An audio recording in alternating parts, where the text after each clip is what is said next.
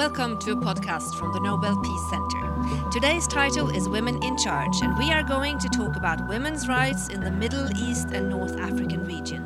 We have three fantastic speakers with us. The first we will hear from is Afaf Jabiri from Jordan.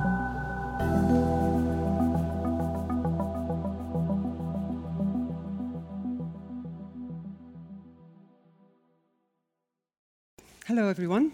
Uh, it's a pleasure being here today with you. Um, Women in Charge. Very exciting title for our event today. And this title actually made me think to pose a question to begin with my, uh, uh, my talk. Who are the women we are speaking about today? Is there any particular women, image of women in the region we are thinking of? Is there any one priority issue for women in the region?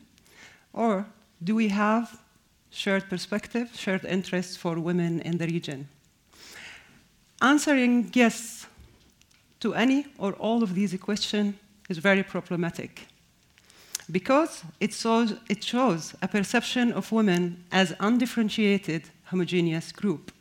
For decades, women in the region has been portrayed as passive victims, helpless, and powerless.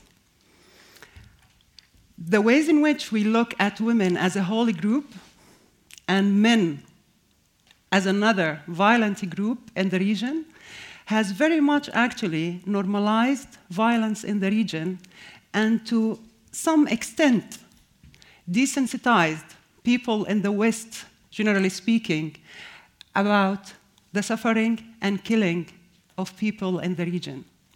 If we take the example of the war against Yemen these days, all what we see from that war is the starvation of children and suffering of mothers. Of course, this is an important issue, but also women are portrayed as a category, as a one category with children of the marginalized. Now, in this image, Yemeni people are only qualified for humanitarian assistance in its very narrow sense. So we don't think of them as people who are qualified for our solidarity and our political actions. And that actually manifested in the ways in which there was and there has been lack of support to Yemen in general and the war against Yemen in general, although we, we see every day the killing and suffering of, of, of, of Yemeni people. So when we speak to the question of women, we must speak of structures of power, distribution of resources, political economy, neoliberal policies that push people into poverty, as well as states' roles in maintaining injustice and inequality in the region.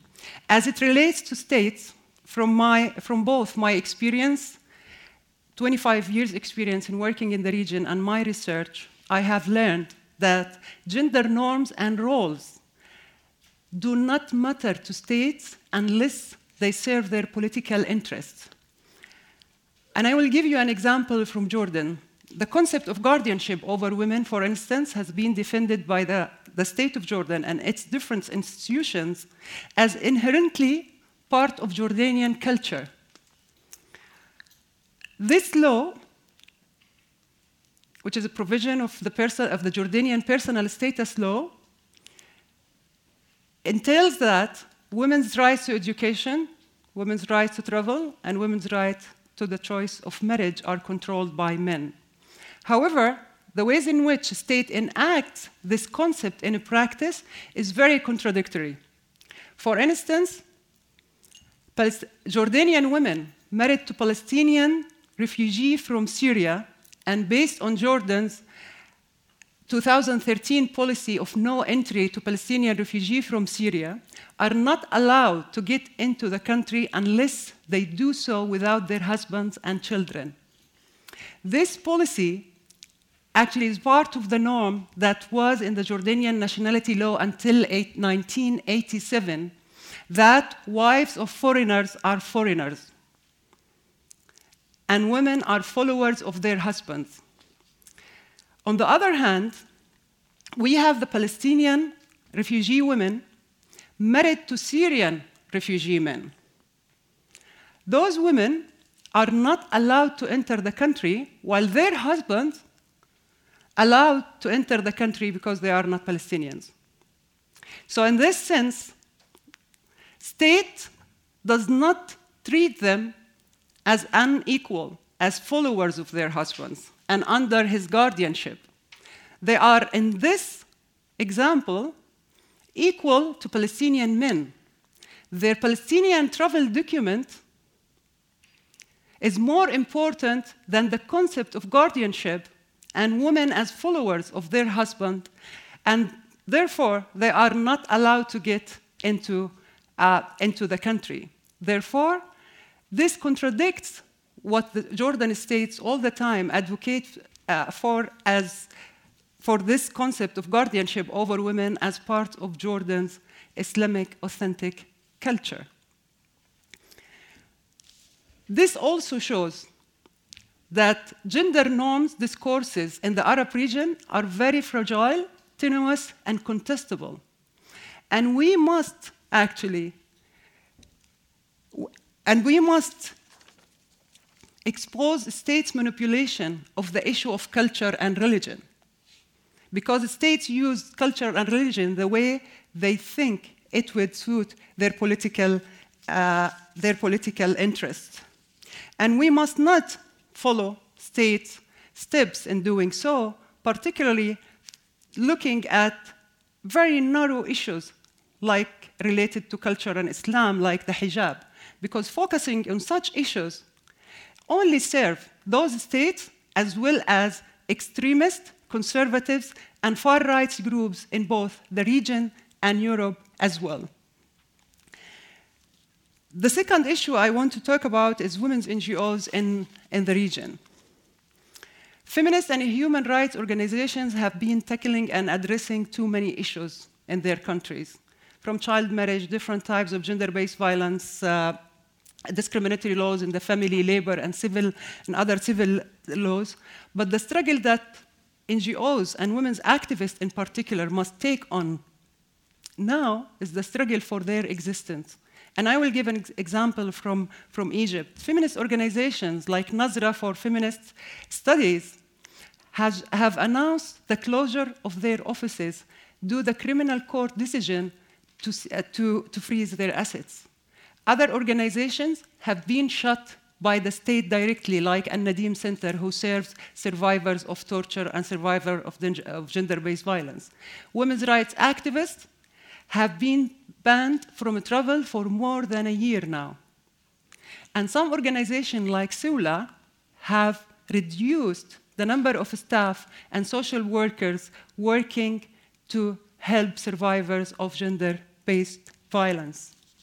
There has never been an out all attack on civil society and activist lives, mobility, and freedom by the authoritarian states like now. And it necessitates a fierce and committed solidarity with women's rights groups and human rights groups in general in the region to mobilize efforts and challenge the restrictions on NGOs and on women activists in, in the region.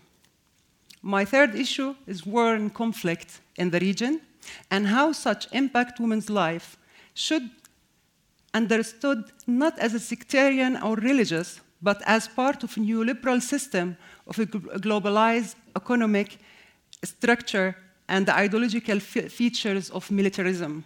And I will read some facts from the latest report of the Stockholm International Peace Research Institute. Based on this, based on this report, US global arms sales have risen by 25% in the past five years.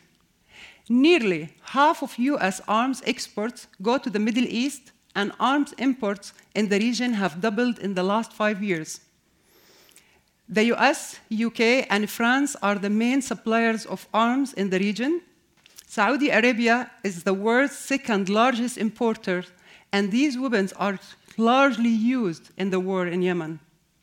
Despite this, the US and European states supply over 98% of Saudi Arabia weapons imports. Another fact from the report Israel increased its imports by 125% receiving arms mainly from the US, Italy, and Germany.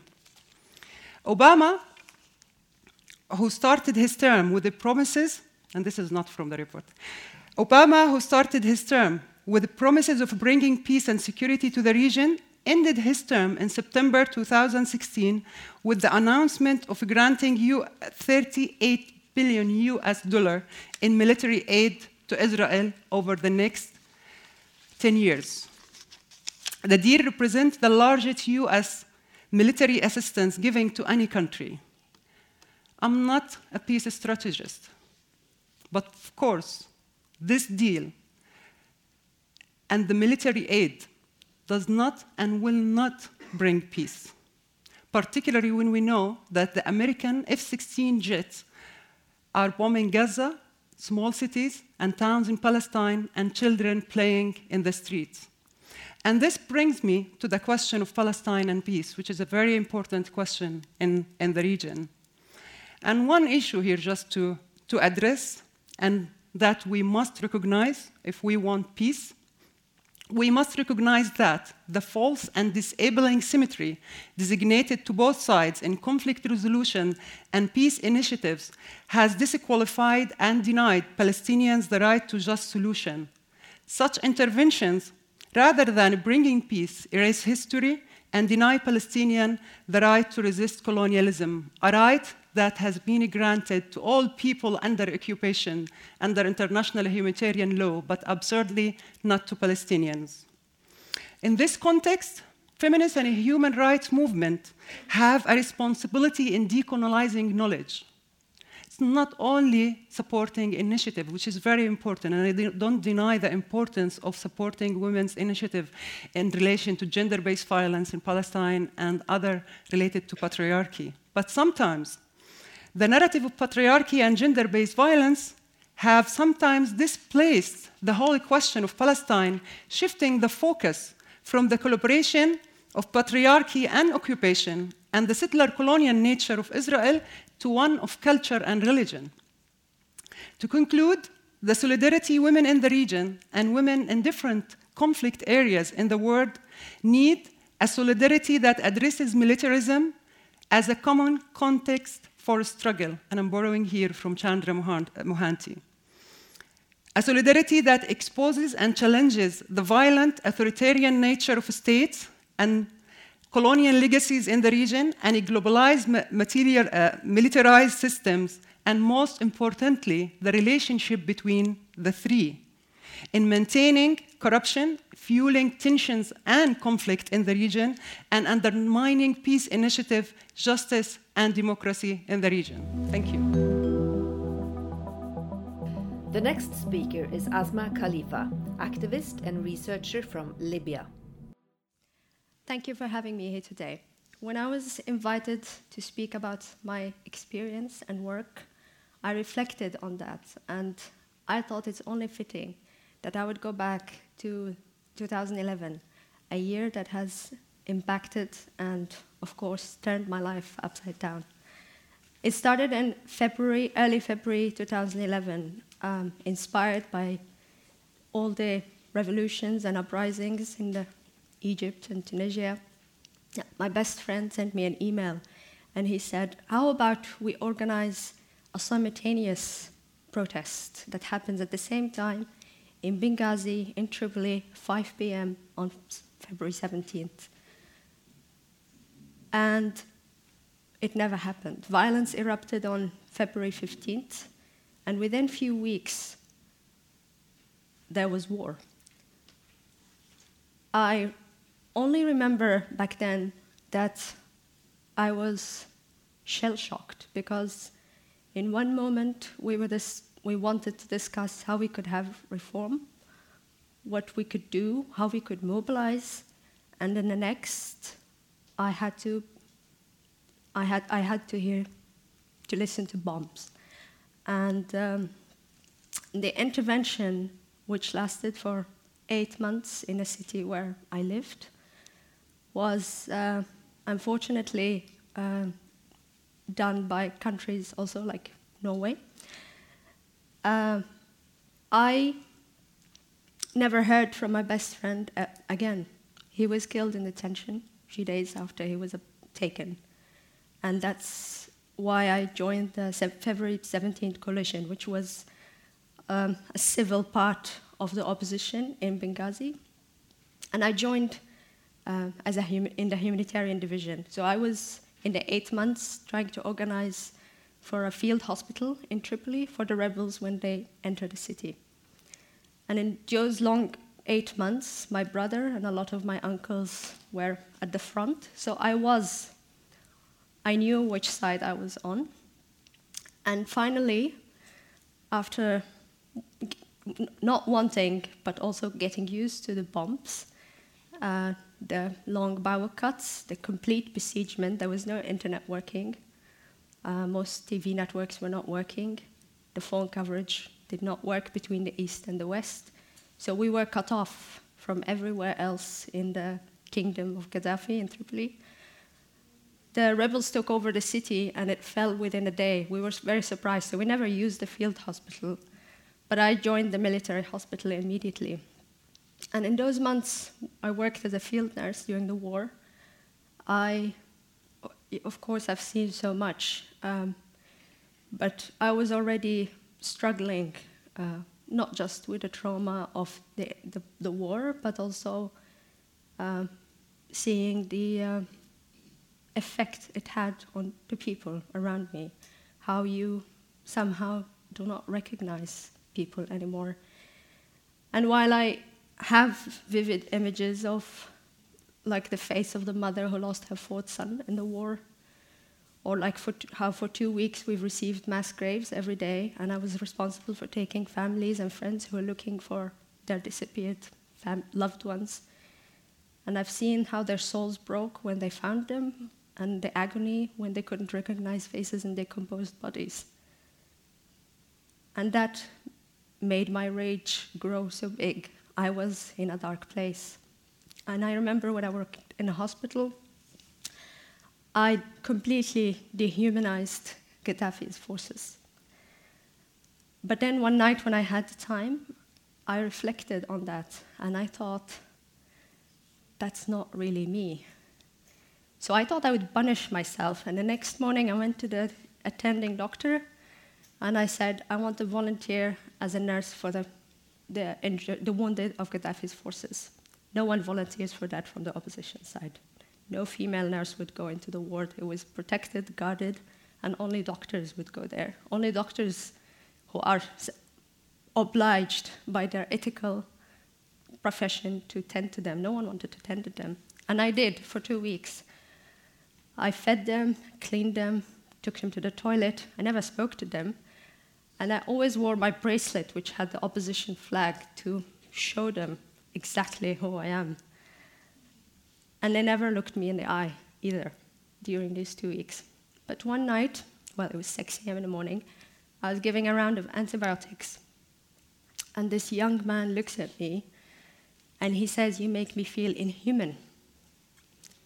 And I paused because I looked at him for the first time. I looked at one of them in the eye and I realized, and I saw his grief, his bewilderment reflected exactly mine. And I realized that we were both Libyans caught on opposite side of a war that we did not decide, we did not plan, we did not have a say in it. And frankly, at that point, we don't even understand why it started, why there was even a war. So I sat, held his hand, and we cried for a while. I didn't speak to him, and I never saw him again.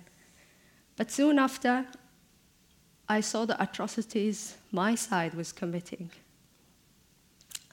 I saw the, the, the, grief they were causing to other people. I saw them attacking helpless cities because they were stigmatized as pro Gaddafi.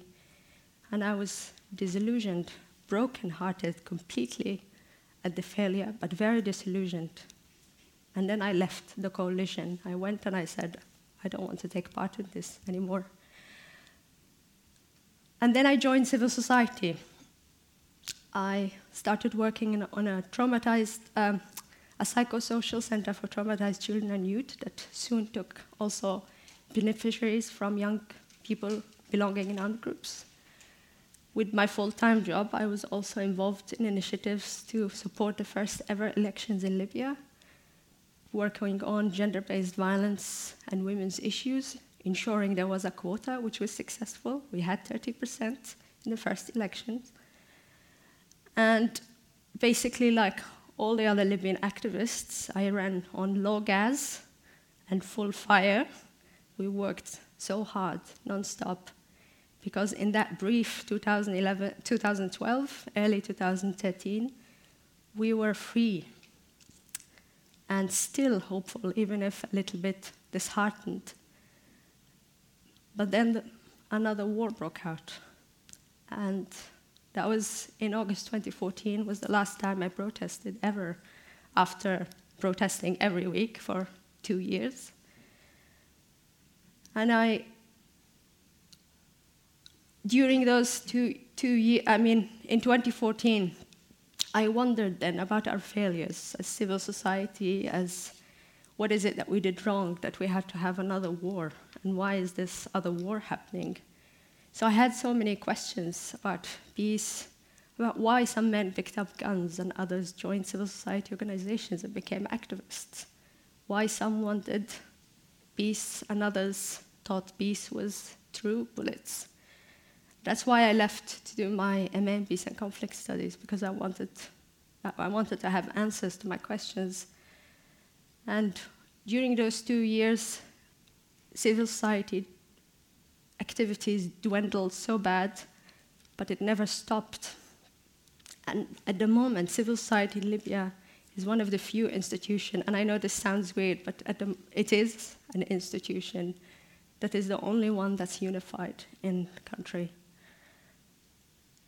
So it was um,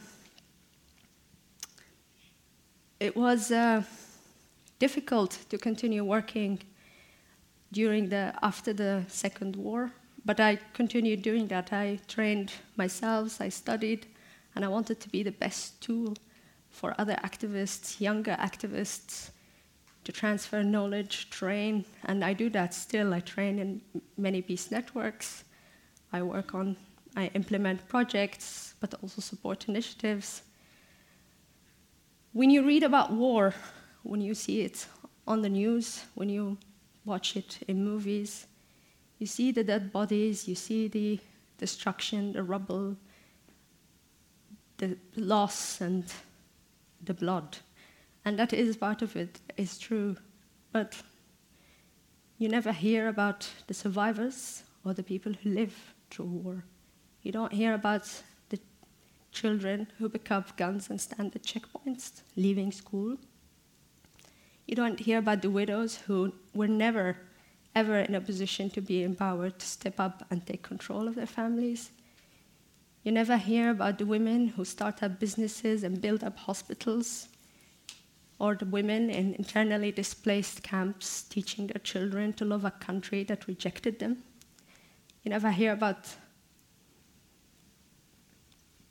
you never hear about the heroes, the fighters who don't have guns, who are willingly giving themselves up to have a hope one day in that country. You don't hear about them falling in love, having families, having children, smiling, watching movies while to cover up the shelling and the bombing that's happening outside. They don't tell you about the instability that hangs on your head like a sword, or that you are never safe the fear, the suspicious, the paranoia, how you walk into a room and you strategize exit points because you are going to be attacked at some point. They don't tell you how you walk. You, once I reached the airport in Libya, I realized fully that I have absolutely no rights, that I am completely helpless. But all I do is standing up high and lifting my chin and acting like I don't care. They don't tell you about the teachers, who are mostly female, continuing to raise generations, the mothers. They don't tell you about all the amazing people who, despite the rubble, the loss, take the active, conscious choice to resist war by building lives. Thank you. Our last speaker is Nargess Tavassolian, journalist and legal analyst from Iran, who also happens to be the daughter of Nobel Peace Prize laureate Shirin Ebadi. Today, I want to talk about the women's rights movement in Iran after the 1979 revolution and how the movement was faced with the discriminatory laws against women and how they dealt uh, with ch- uh, regarding changing these laws and practices. And finally, and, and, then I want to talk about the roles that the international community can play on the women's rights movement in Iran. So, uh, after the revolution, many laws were changed under the pretext of Islamizations. Some of these laws pertained women, like the law which obliged women to cover their faces or bodies in public places, or the law regarding the minimum age of marriage, which sets the age of marriage nine for girls. Um, some discriminatory provisions were enacted in the family law, like divorce became the uh, right of the husband only in the family, and also some discriminatory provisions were enacted against the mother in the sense of custody of children after divorce. Regarding the blood money, the blood money of the woman became half of a man, and the age of criminal responsibility for girls became nine as the penal code. And that considering that many punishments in the penal code are very severe punishments, such as execution, that was much low below the international standards. And also, women were barred from certain positions, like becoming judges. So, after 1979, women were facing with these laws, plus the laws which already existed before the revolution, which was also discriminatory towards women, like the law which um, required women to have the permission of their husband for traveling outside the country, or the existence of honor killing or poly- polygamy in the laws. So, for 10 or 15 years after the revolution, there was no mm, unified campaign or no established NGOs in that sense of a term. But this didn't mean that Iranian women were silent. There were protests during the first months of the revolution, for example, against the obligatory veiling of the women. And then slowly women learned how to protest against the discriminatory laws, each by their own way, like by organizing campaign or seminars or writing article, books, or organizing workshop or even lobbying with the politicians and in different ways. And specifically when um, around 20 years ago the reformist president came into power, Mohammad Khatami, um, more freedom were given to the society. So more NGOs were established and more campaigns were formed in order to challenge these laws. So, what did the women's rights movement gain through all of these struggles? I want to start with the laws. It's, it might seem more tangible to understand the change. Women's rights movements uh, managed to change some laws, not a lot. I'm going to bring some example of these changes. For example, the minimum age of marriage which was nine. After the revolution, it was risen to 13. In case of custody, even though um, some changes were made, still, um, even though this existing law is still not uh, equal towards uh, father and mother after the divorce, women's rights movement managed to make some changes in favor of the women. For example, before the amendment made in the custody law, the custody of the children after the divorce uh, were given to the mother under, uh, uh, for girls up to the age of two, and boys uh, uh, for girls up to the age of seven, and boys up to the age of two. And after that, it would automatically be given to the father. But now, according to the new changes, the custody will be given to the mother until the age of seven, and then the court will decide based on the best interest of the child. So in case of blood money, still the blood money of woman is half of a man, but the difference is being paid by the government. Also, the share of inheritance of women in most cases is lesser than men, but uh, women's rights movement managed to pressurize the uh, parliament to make some changes in some areas. And uh, divorce, also regarding the divorce, now with the new amendment in the civil law, women can also file divorce under certain circumstances. So it's not completely in the hand of the husband anymore. And also, women managed to become judges at, uh, at some level, not the pres- presiding judge, even though, but still, it was a, we can say it was a progress for women. Season, along with some other changes, we can say it was all the changes that the women rights movements managed to make in the laws. Mm, one might rightly argue that these are not a lot, and there are still a lot of discriminatory provisions within the laws, different laws, criminal law, family law, civil law. But um, what might be the impediment for the women's rights movement with all the struggles that the women have taken? In my opinion, the um, impediment for the movement is the guardian council, which is members are not elected uh, by people. Our members are selected either directly or indirectly by their leader. And the Guardian Council is a very powerful council, and it has the right to veto the uh, in Parliament's enactments. So at many points, the women's rights movement managed to make the Parliament to enact some laws which were in favor of women, to amend some discriminatory laws, or enact some laws which could bring justice, uh, gender equality into the law. But the law were further down, at the upper stage, vetoed by the Guardian Council. But having said that, can we say that the women's rights movement was not successful at all? I think the answer to this is not also very simple, and it's not a simple no.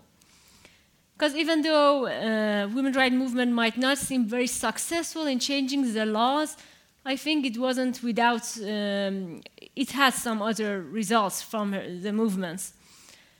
For example, women's rights movement managed to bring the discourse of gender equality and women's rights into surface and in, surrounded to all parts of the society. During the first years of the revolution, a politician, political party, for everyone, the issue of women's rights and gender equality was considered as unimportant, periphery at best, or sometimes even a distractive discord towards the main role of advance. But now, uh, with the help and struggle of the women's rights activists and the camp- different campaigns that they have made, and some have been very innovative, uh, all the candidates of various uh, election, presidential election, uh, parliament election, even city council election, they kind of try to bring the issue of women's rights, um, of women's rights in, with their agendas. Even some of the hardliners are doing so. And also, the discourse has spread among even the religious segment of the society, and some religious thinkers in, within the recent years have clearly spoken and talked about the issue of uh, women's rights in Islam, and many has opposed and objected to the obligatory veiling of women's uh, hair, hair and body in Islam. And some have even, uh, even paid the high price of going to jail or living in, in exile for that. So I think this is something that we can't just forget about it. And that how the women's rights movement managed to spread the discourse with, uh, with its various campaigns. One of the campaigns was now um, uh, campaign named 1 million signatures to change the discriminatory laws, which um, this campaign did not have any leader, but all the women uh, participating in the campaign started to engage with uh, other people in cities, in park, and just uh, uh, let them know about the discriminatory provisions and gain signature addressing to the parliament to change some laws. So with the effort of the women's rights uh, activists, they spread uh, this uh, dialogue of this discourse of women's rights was spread among the many segments of the society. And I think that's one good thing about the campaign.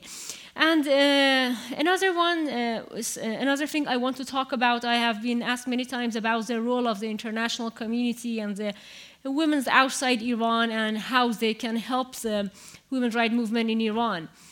Um, before answering to this question, I have to say that the women's rights movement in Iran is, is not monolithic. Like there are many mm, voices, many sounds in this movement, and women in this movement take different approaches and have different strategies. While some are more conservative and try to don't tackle the issues which are among the clear red lines of the government, and also use the methods which are not, which are not in the clear breach of the law. Some are acting more radical and they even challenge the most um, taboo subject in, in, the eyes of the government, and they are not afraid to break the discriminatory laws to protest against, against this discrimination. And both groups have their own reasons too. Like the one who are taking a more conservative approach argues that change needs to be done within the society and gradually, and that um, any drastic action which will lead to the imprisonment of women or forcing them into exile, which has happened a lot during the last two decades, is not good for women's rights movement in the long term. And the radical uh, ones also argue that we shouldn't always let the government to design the red lines for us and then challenge those stuff. And sometimes change needs through breaking the bad laws. And they bring the example of many countries where people manage to challenge the governments for making discrimination against the black people by breaking the law and doing civil obedience and this stuff. So, also, what I'm trying to say is also regarding the um, issue of the international community and how outsider can help insider. Also, there are some um, divisions within the women's rights movement. I think the majority of the women's rights in Iran argues that uh, the international community can be helpful, specifically in areas where due to the censorship and where the subject is, uh, is, within the clear red lines of the government, it cannot be um, said within the Iranian media. So the international mm, community or people outside in Iran can be the voice of these people, both regarding the covering of the news and the campaign and all this stuff. Mm, and also uh, in helping the international community watch the Iranian government, for example, by assigning the special rapporteur on human rights in Iran. I think there's uh, more consensus on that. But uh, there are also some actions uh, regarding uh, the women's rights movement and pressuring the government into something or asking the government to do something, otherwise, boycott the government on some level. There are some div- more dividedness on this stuff. And I want to bring you example, uh, bring you uh, two examples in this regard. For example, mm, within the recent years, there have been two campaigns launched outside Iran by the human rights organization and activists. One of them asked the uh, International Volleyball Federation to put pressure on the Iranian uh, government and to deny them the right to host the tournament if it did not uh, allow the women to enter to the stadium to watch the matches which uh, women, uh, which is very strange why the Iranian government is doing this, considering that it is not even against Iranian laws, but for some reason it's being uh, it's been like this for some years. And some women have been even jailed for just trying to go to the stadium to watch the matches. And or the, another campaign uh, was regarding the chess match and uh, putting pressure on the Iranian government uh, to and denying the right to host a tournament if it does not allow women to choose how they want to wear dresses. And uh, while some activists inside Iran uh, were favor of these pressures and say that the um, Iranian government needs some kind of pressures and the Iranian women needs, needs some kind of solidarity, and um, that this kind of sanction does not affect ordinary people is not like uh, sanction, economic sanction, which will affect ordinary people. There are some women's rights activists which says any kind of action against the country, the government, like uh, isolation of the government, will lead to the isolation of its people, even either directly or indirectly. And for example, they bring the example that in this case, for example, if you deny the right to host uh, Iran to host the uh, championship, uh, then Iranian women have to travel outside, and according to the law, women need the permission of their husband. And in the past, we had some cases when the Iranian women couldn't go outside. Some even football star and famous cases where they couldn't go outside because their uh, husband did not let them go and also that's how uh, women's rights, uh, how it's bad for the population in general to just isolate them.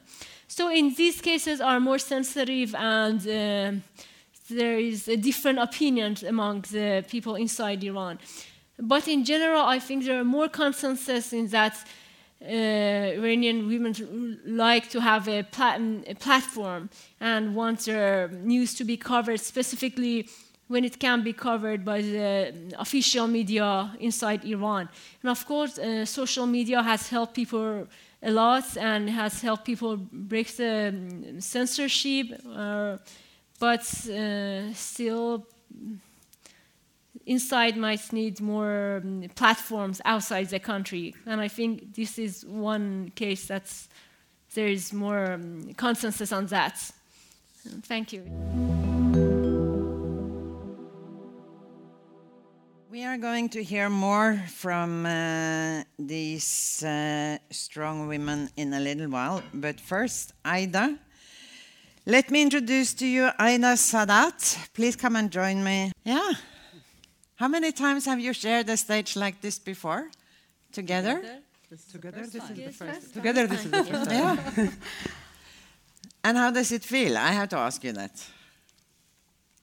Well, speaking um, about issues related to the region, uh, um, it's usually difficult to summarize because there are so many issues that you want to speak about and talk about and, uh, and think of and have the opportunity to discuss with, uh, with people.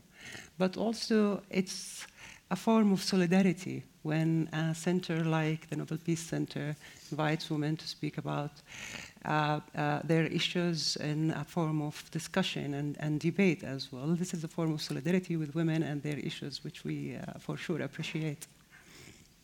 Now, I have to, to start asking you as well, because there, there are many issues uh, that also split you. You come from different countries, and then there are still some issues that, that unite you. Um, how, how are you dealing with, with balancing out the, the differences? Um, Nargess, maybe you can start. Um, I'm trying to learn from these ladies how the women's rights movement in their respective countries manage to face with these challenges and that's what because i think we kind of have similar we might have similar problems in the region mm. in somehow and so I want to see how the women's rights movement in, in these countries has managed, uh, is trying to face these challenges. I think we have more in common than more in difference, mm. actually. Mm.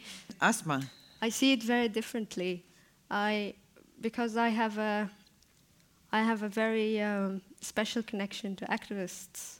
I mean, in general, activists are very close to my heart, but with women from the region, it's my people you know? Mm.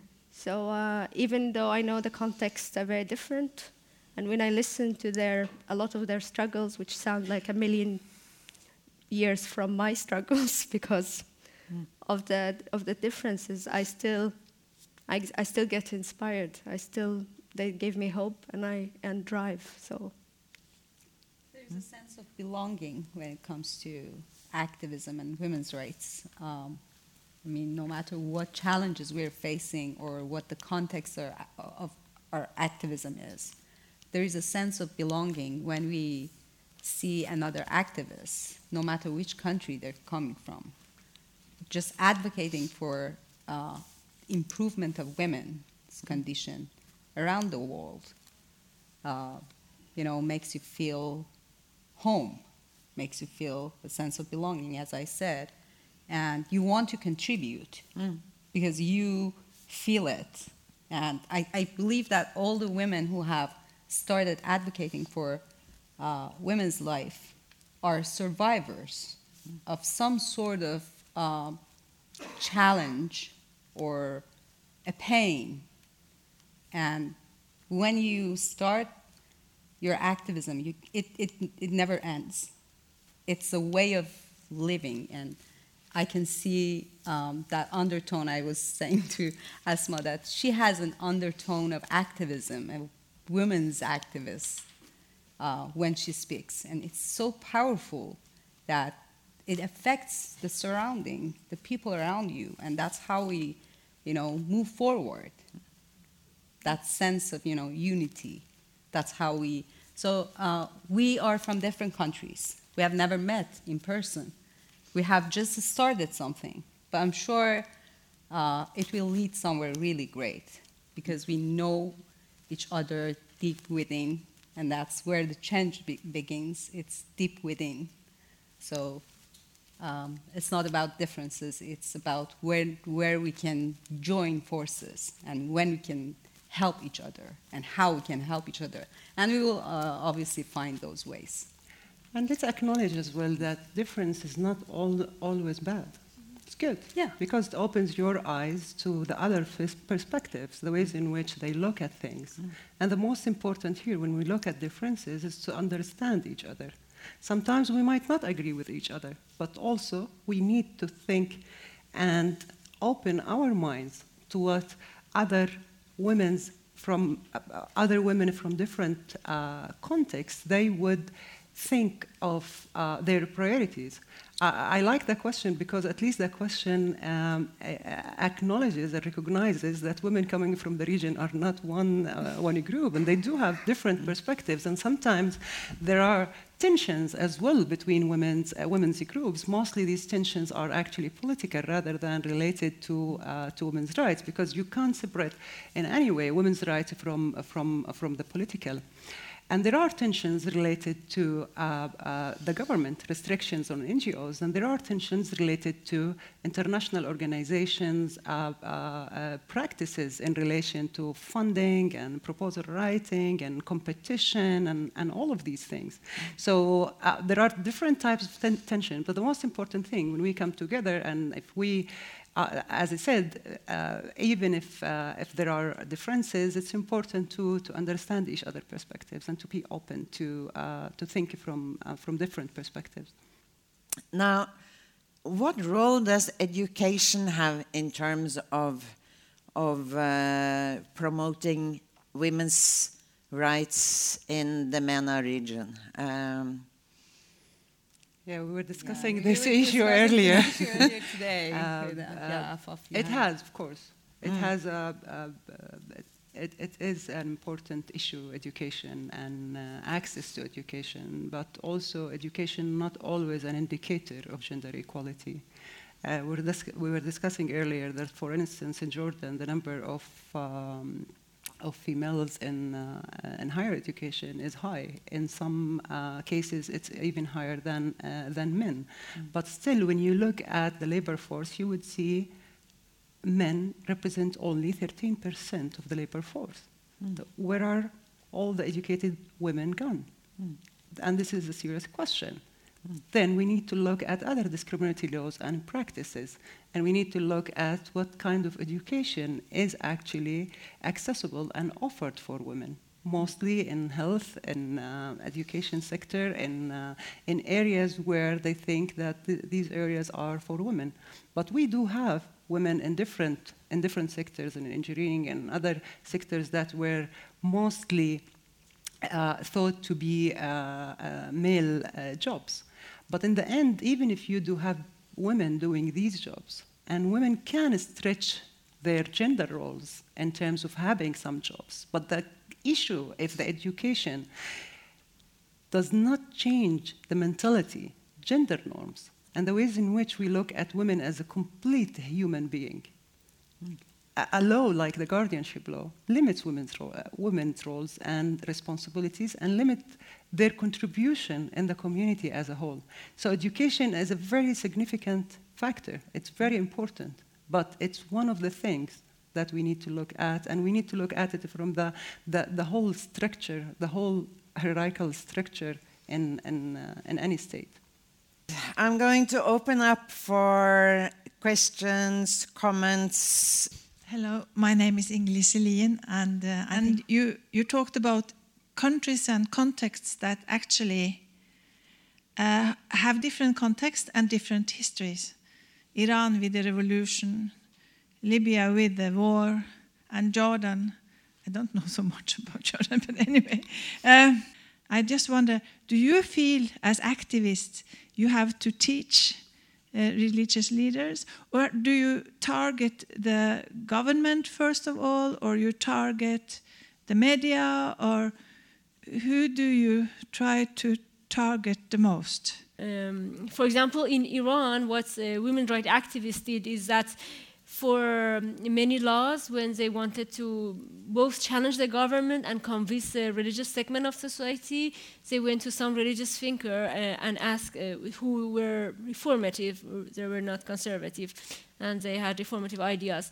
And they asked for fatwas on an issue, and they, they showed this fatwa to, they published this fatwa, and they uh, showed it to politicians, to the religious segments, they may, make a voice about it.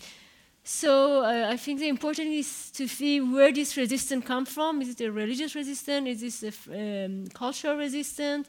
And then try to tackle that issue.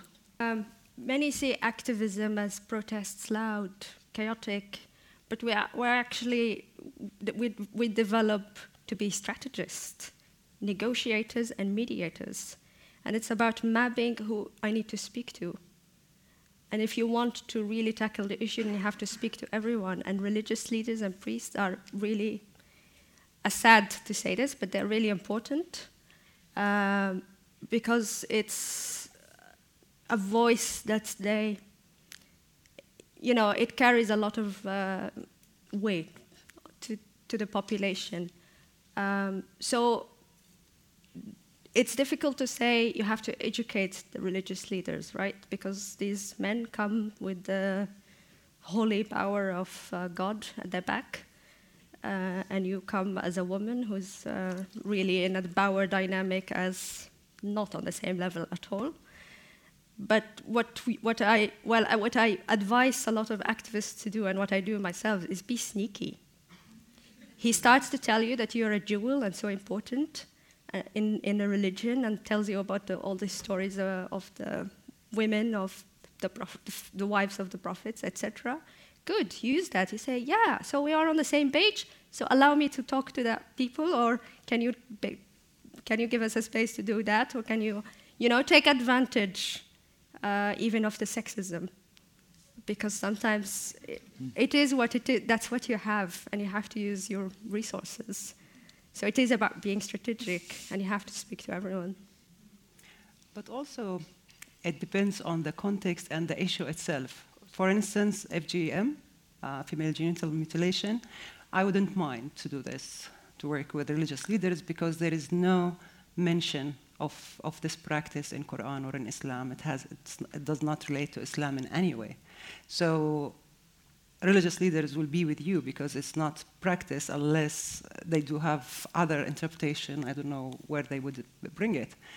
But for other issues, it could be really very tricky for, for women's rights to engage with religious leaders because in this way you would make a compromise.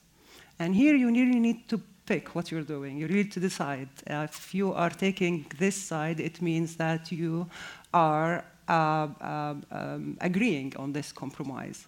There are certain issues, particular, and depends, as I said, in the context. If I talk from a context of Iran or Saudi Arabia or in Jordan, in Jordan, uh, our state is not a religious state. Okay, Islam is the religion of the state, but all laws that govern the state are civil laws, only laws that govern family issues, which are related to marriage, divorce, and inheritance, are partly, not fully, coming from uh, Sharia. So we have always this question of why. Why, when it comes to family issues and women's rights, we think of Sharia law, and when it comes to the tax system, uh, banking, uh, any other issues, no, we are a secular state. And in this case, we really need to challenge the state and the ways in which they pick and choose from, uh, from, uh, fr from religion. If I'm in a full, complete Islamic state, then I would accept the negotiation. But when I'm in a secular state in every single issue, but not my women's rights, then here the situation is different. But also, women in the ground, we have to use so many different strategies, all of what you have mentioned sometimes. Aida, did you have any comments also about the, the, ch the choice yes, of yeah. strategy? Well, um, uh, back in the years that I was an activist in country. I can't go back. I can't go back to Iran. So I'm basically an activist in diaspora at the moment. But we are connected. The good thing about Iranian network of activists, women's rights activists, is that uh, exile wasn't a mean or uh, an excuse to cut ties with your counterparts inside the country. So uh, we have been trying to, you know, um, reinforce our actions mm. uh, and and do whatever I, we can in our within our, you know. Um, so um, back in Iran, I um, remember for one million signature campaign yes, we did reach out to the religious leaders, but our major focus was to educate people, educate public, because uh, as I said before, uh, the you know bottom-up change will uh, will last longer. So that was uh, the reason that we organized like hundreds of workshops in the you know, areas, really, really rural areas that, uh, you know, not many women have access to education. And they had needs, but there were no organizations to pay attention to those needs for education. So we were there as activists. And that's where I would go. Um, work with the public, work with women, and be their voice. Um, that's what I would do. But yeah, sometimes there are different strategies to tackle an issue and address it. Uh, sometimes, you know, raising awareness and, you know, speaking up with the media and, you know, raising and organizing an international, um, you know, global campaign about an issue. Creating hashtags on Twitter or, you know, social media whatever works, but there is a, an issue that we have to address. So we have to find out um, what is the best situation that we can use and can take benefit from. So that's the approach that we take. I, I, I believe everyone, everybody who has done, you know, activism is uh, familiar with this approach. Well, uh, if it's not too late, it was just about the social media because I wanted to ask you how you're using social media in the different countries. If it's difficult or dangerous some places to, to use it, could you explain a little bit about that? Uh, I just want to say that uh, people use social media in Iran a lot, even though it is filtered. Uh, they find proxy, and we have even one person who is under execution sentence because of the posts, he, his Facebook posts. So people use it, and it's still risky. It's like your personal newspaper, but you're the editor. you can. Yeah, um, in in uh, Libya, it's uh, a bit difficult because not everyone is online. And while a lot of Libyans are on Facebook, which is the main medium we use, um, for instance, we, I wouldn't post everything that we do about our work. So they know we have a presence, they know we exist. We post something sometimes, but I can't post that we've done a workshop on this and this and that. When I, when I lied to the authorities to begin with, or an armed group in the city to be able to do the workshop. So we work a lot underground and we lie. Like we say, we would have a workshop about women's health and children or something and then it's about gender equality and how to how to be a feminist. So we can't say online, oh, we're doing the other thing. So we don't post, and that's also um, bad because then the public are saying, where are you and what are you doing? Because you're not visible. So we are caught in the middle of that sort of difficult situation. But I see on, on social media and the way we use it more, uh, as a safe space to discuss as women. So we have a lot of closed groups, um, whether it's for our projects or our campaigns or in general, has thousands of women, activists and non-activists. And that group that offers support, like, is, it's incredibly, incredibly important. Um, especially when last year uh, there was a high uh, rate of suicide among women in Libya. and then we had we we had a closed group uh, to offer support. We we brought in all the social workers that we know, all the psychologists that we know, and we said, look, this is a space, a safe space. We were not accepting anyone, any male uh, accounts, and whether, whenever you feel or you lose someone or you feel that you don't want to continue anymore, we are here for you, and that was incredibly, incredibly important. Uh, but we, we've, I've, uh, in, in most of my trainings, I give cybersecurity, so I tell the activists how to encrypt their emails. I ask them not to share things on Facebook messaging and use other tools. Um, and that's, that's very important because some Facebook posts uh, have once uh, killed an activist. Uh, so it's, yeah. Social media has become um, um, one important tool for uh, advocacy and mobilization in the region as a whole, of course, with, with differences based on uh, the context.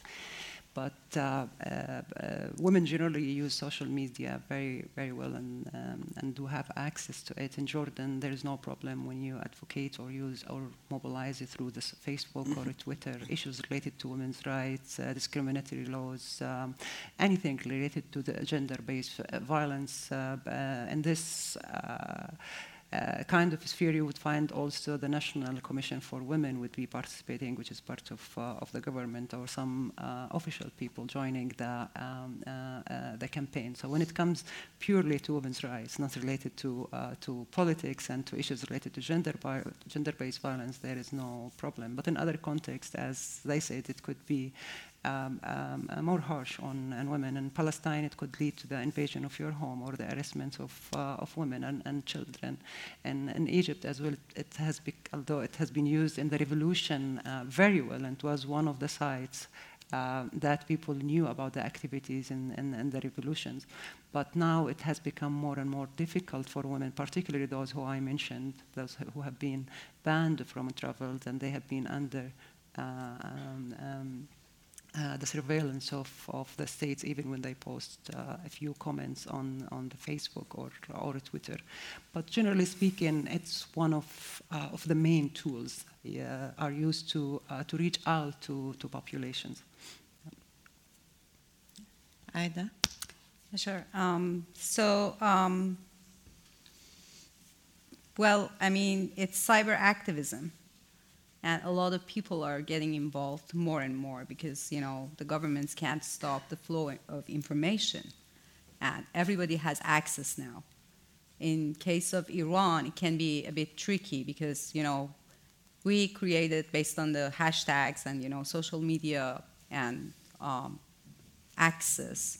We created cyber activism and then iranian government created cyber army to basically uh, find out who is writing what, and they can locate them. And obviously, this is an ongoing battle between the government and the activists, the cyber activists. And there has been a lot of cases of arrests. There are people and activists who have been, who are still in jail for, you know, and, and have been issued long-term sentences for just uh, managing a Telegram group which is very popular in Iran. But uh, the good point about the whole thing is raising awareness uh, in a way that even the government can't block it because you know there are some circumvention tools and uh, the activists who are in diaspora provide those tools to the in-country activists and they use it. So this, this is some, you know, kind of ongoing battle between the government and the activists. And the interesting point is that even though the government has blocked, for example, Twitter in Iran, uh, the authorities are still using it. And sometimes the hashtags that are trending are being used by the government authorities on the social platform, which is blocked by the um, government. So it's ironic, but it's there. It's, uh, and I think, I think it's a very effective tool um, in terms of raising awareness. Hello. Welcome. Hi, my name is Shabana Rehman. Uh, I have a question for you, Asma. You told us so powerfully that everything they don't tell. What do you think will happen if the world starts really telling all those stories of all those heroes, the love, the daily life, the people? What do you think will happen then? What do you see will come? I think, in a sense, we as women, especially, need to reclaim the narrative that is written about us, that is spoken about us. And in a way, when I speak about war, I always speak of it as, my, as the, our resistance to it. Because that's how the world should think of war. The world should act consciously, take the choice to say no more. Because it does not bring peace, it does not bring solution. And when you hear the stories of others, and I was not really good at sharing my stories. I had to learn from other ac- activists and really inspiring people who share, because you always think it's not significant. It doesn't matter. It just happens. You know, like us women when we're like, yeah, I just did that and that, but it's okay. I'm fine. It doesn't matter, and we undermine the the connection as human beings we have. Because even though I, I come from a different place. Um, you relate to me.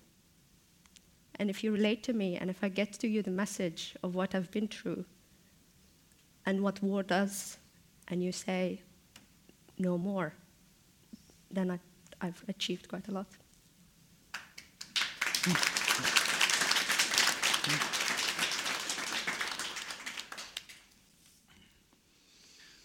When, when I see you up there, I'm thinking this is a potential international coalition. And my question is do you think if all women from the different countries are working to that, together, can also strengthen individual fights in individual countries as well? Uh, of course, because when you um, um, not only um, um thinking of, of coalition inside the region, but also there is a need for international solidarity the issues that we have been raising about uh, uh, women in the region, they are not only related to women in the region, they are related also to women in so many other areas, particularly conflict areas. When we talk about militarism, globalized militarism and political economy and neoliberal policies, these are not only issues for, uh, for women in, uh, in the region. These are issues that affect women all over the world. And because of that, we need to find this common uh, ground and common context for a struggle to show that solidarity that it's not only because this region is cursed or because this region is violent or because this region there's something wrong about it. There is more. There's this new imperial wars that's happening, and the region is one of these regions. It's not just in, in, the region. And that's why the solidarity in this time is more important than any other time. Because now it's happening in the region and it's happening, we can see that there, are, there will be a new emerging other wars in other regions. And there is a new issues also here in Europe. If we don't tackle them right now, they will grow up. And they will be a threat to every single individual in this room and in Europe as a whole, hatred far right groups, issues related to refugees and refugees. These are serious issues. And what's happening in the region is also affecting people here. And what's happening in the region is related, and it's the responsibility of many European states. Either they supply uh, uh, arms, or other they contribute themselves in bombing these cities.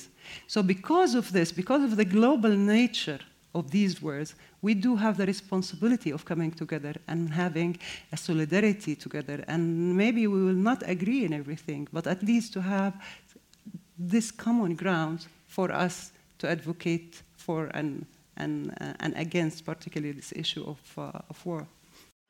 Thank you all for coming. And please, yeah, you, I'm sure you're all going to follow them like we are in, in the future. Uh, on social media, on live media uh, and help spread the word.